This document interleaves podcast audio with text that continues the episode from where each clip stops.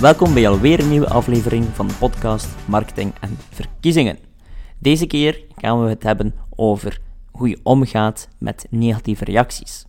Een heel moeilijk aspect voor velen, zowel voor organisaties, bedrijven als politieke partijen, maar um, schrik niet, heb geen schrik voor negatieve reacties of heb geen schrik voor de mogelijkheid van negatieve reacties, want onze leuze is Iedere negatieve reactie is een kans tot iets positiefs. En in deze podcast geef ik daar wat meer informatie over. Alvast heel veel inspiratie gewenst.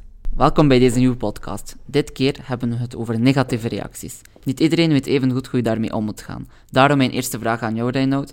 Hoe kan je het best omgaan met negatieve reacties op sociale media? Ja, eerst en vooral, uh, de beste manier om ermee om te gaan is ze voorkomen. Het is beter genezen dan voorkomen, uiteraard. Maar je kan er niet altijd aan doen. Hè. Soms heb je gewoon brute pech. Soms ja, kan je er gewoon letterlijk echt niets aan doen. Soms ja, zijn het gewoon uh, trollen, zoals men zegt. En trollen zijn mensen die er uh, plezier aan hebben om anderen uit te maken op sociale media. Mensen die er plezier aan hebben om ja, echt uh, ja, mensen te pesten. Hè. Het zijn gewoon pesters, online pesters. Daar gaat het eigenlijk om. Maar um, heel belangrijk hoe je daarmee omgaat, is ga nooit in tegenaanval. Ga nooit mee met hun verhaal. Dat wil zeggen, dus ga nooit ja, nog uh, meer offensief worden of je, verdedigen of zo. Zeker met trollen. Um, dat is vaak verloren energie. Um, wij zeggen in onze workshops vaak dat er drie typen reacties zijn: de bad, the good, the ugly. En um, ja, dan de ugly zijn die trollen. Hè. Daar, daar moet je van mij niet mee omgaan. Uh, dan heb je de minder positieve reacties. Dat zijn dan bijvoorbeeld de mensen die zeggen van kijk, ik ben het niet eens met jou, maar ze zijn wel beschaafd. Hè. Ze zijn beleefd, ze zeggen ook inhoudelijk waarom ze het niet eens zijn met jou.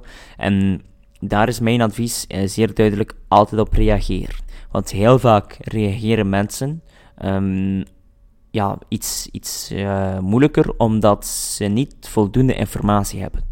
Politici Bijvoorbeeld, of mensen die zeer veel met dossiers bezig zijn, zijn er vaak meerdere uren per dag mee bezig.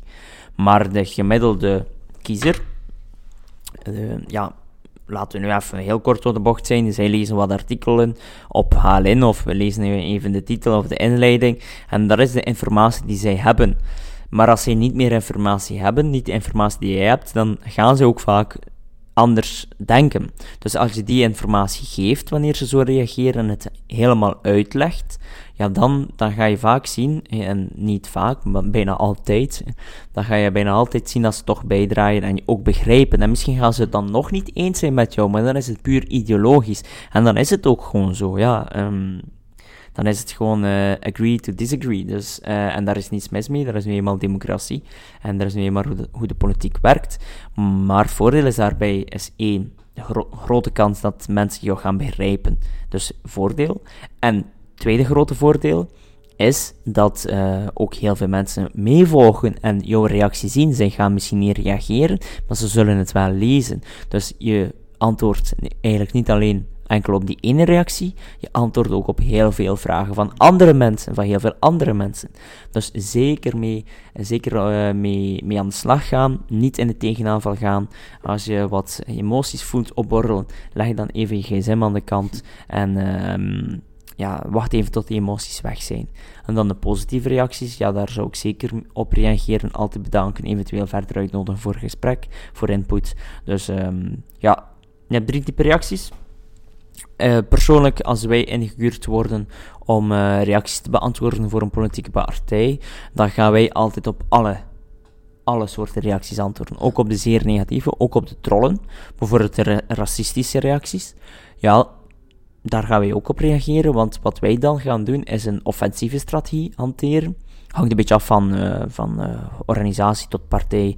Dus dat hangt er een beetje van af. Maar vaak gaan wij een offensieve reactie uh, hanteren. In de zin van, kijk, die persoon zijn reactie veroordelen.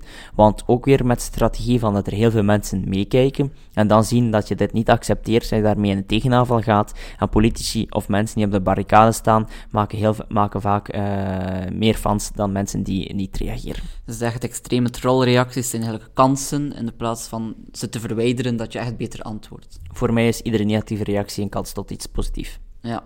Um, ik kan me voorstellen dat sommige mensen misschien denken van ja, trollreacties, echt de hele grove reacties, die moeten uit de feed en die moeten verdwijnen. Um, is het aangeraden om die reacties te verwijderen? Um, kort, uh, ja, ja, dat is een moeilijke, moeilijke vraag.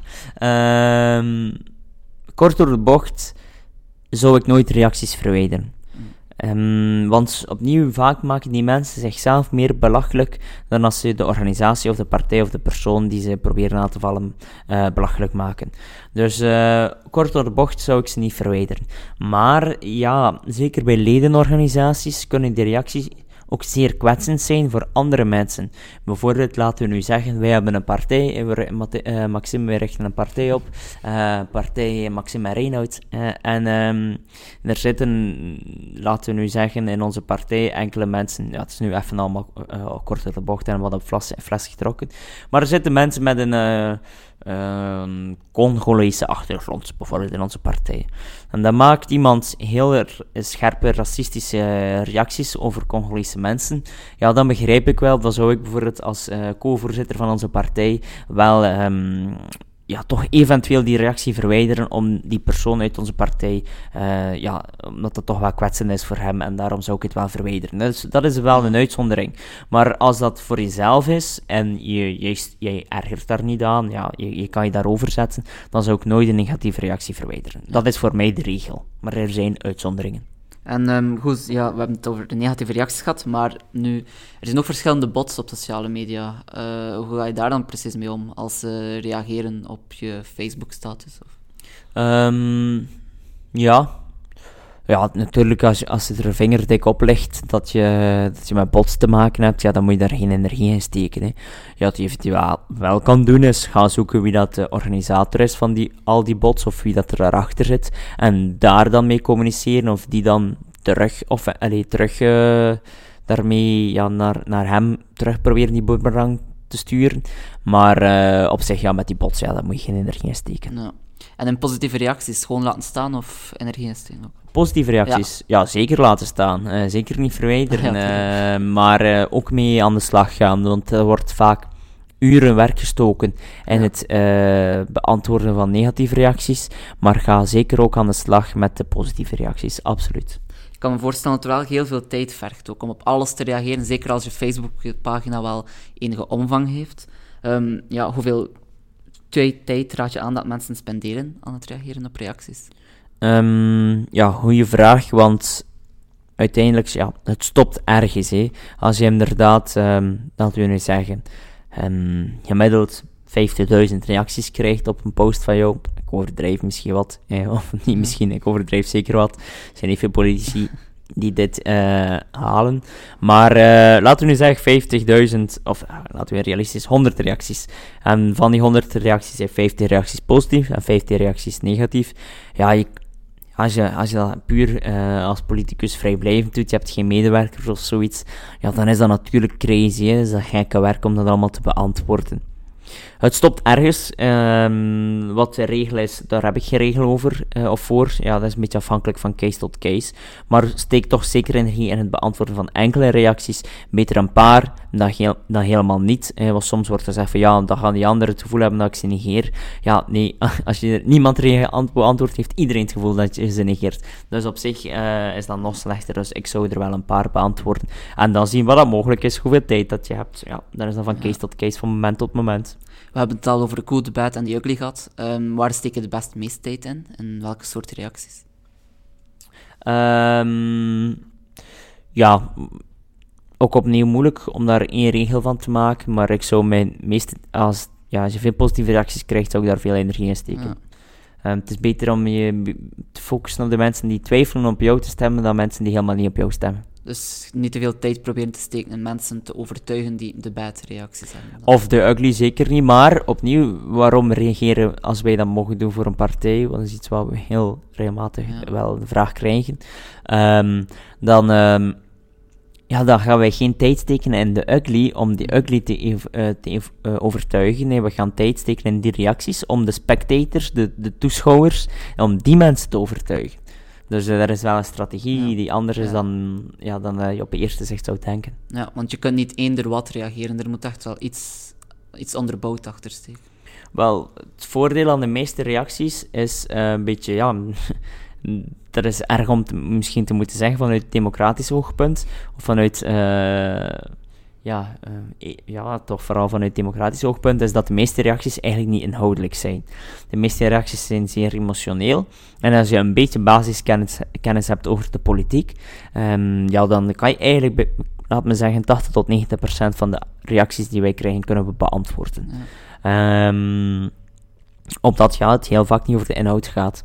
Ja. We hebben het vooral gehad over politieke partijen en hun reacties, maar geldt hetzelfde voor als je bijvoorbeeld een bedrijf hebt en daar reacties op krijgt, is dan even belangrijk om die good, bad en ugly te onderscheiden van elkaar en te reageren op de gepaste manier. Absoluut. Ehm, er, is ook studie, er zijn ook studies trouwens naar gedaan. Bijvoorbeeld een, eh, was een webshop van een horloge. Bij webshop, laten we zeggen, dus een AB-test wil zeggen. We testen A, website A, we testen website B. En er is bij beide websites lijken zeer sterk op elkaar, maar er zijn een paar kleine dingetjes, of liefst bij voorkeur één iets klein eh, anders. Bij website A, bij de webshop voor horloges, waren er geen reacties. Ook geen eh, positieve, geen negatieve reacties. Bij webshop B waren er veel reacties en ook veel negatieve reacties. Webshop B verkocht, dacht ik, eh, 36% beter omdat er ook met die reacties aan de slag werd gegaan. En dat mensen zo zagen van, oké, goed, dat is, dat is service, ze gaan ermee aan de slag, ze volgen op, ja, en iedereen begrijpt wel dat je, dat je nooit, dat er altijd een foutje kan gebeuren. Iedereen weet dat, maar het is wel belangrijk voor de mensen dat er met die foutjes wel iets gedaan wordt. En dat zien we dus bijvoorbeeld ook in reviews, eh, studies omtrent reviews. Een 4,6 op 5 reviews scoort veel beter in perceptie dan een 5 op 5 review. Ja, bij de beoordelingen, ehm, stel je voor dat je op Facebook, je pagina van, de pagina van je bedrijf heeft heel veel slechte beoordelingen. Hoe ga je daarmee om? Hoe kan je daaraan doen? Ehm, ja, dan moeten we zoeken wat het, het, eh, wat de oorzaak is. Als er heel veel negatieve reacties zijn, ja, dan is er misschien gewoon, gewoon ook iets verkeerd. En dan zou ik dat gewoon aanpakken opnieuw. En, eh, en eh, we hebben dat al in een van de vorige workshops gezegd. Een slecht product kan je, allee, kan je niet eh, verhelpen met goede communicatie. Het blijft een slecht product. Je kan wel een paar zaken wijzigen, maar werk eerst aan het product. Een ehm, managementprobleem los je niet op met een communicatieoplossing.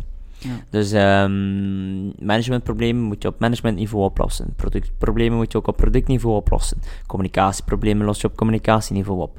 En dat is heel belangrijk. De een kan wel een beetje met het andere verhelpen, maar niet helemaal. Dus dat is de eerste, eerste stap die we Ja. moeten doorlopen. Maar stel nu dat er... ehm, ja, we hebben zo'n case gehad waar iemand heel veel negatieve recensies had gekregen, omdat iemand anders, gewoon een troll, eh 200 Braziliaanse of Ja. Portugese, het was Portugees, dus ehm, kan ook Brazilië zijn uiteindelijk, eh, ne- eh, recensies, negatieve recensies had gekocht online, gewoon om te trollen, gewoon om te pesten. En hoe, je dat, hoe dat je daarmee omgaat, ja, dan heb je eerst en vooral... dus ja, sorry voor het taalgebruik, maar is enorm kak.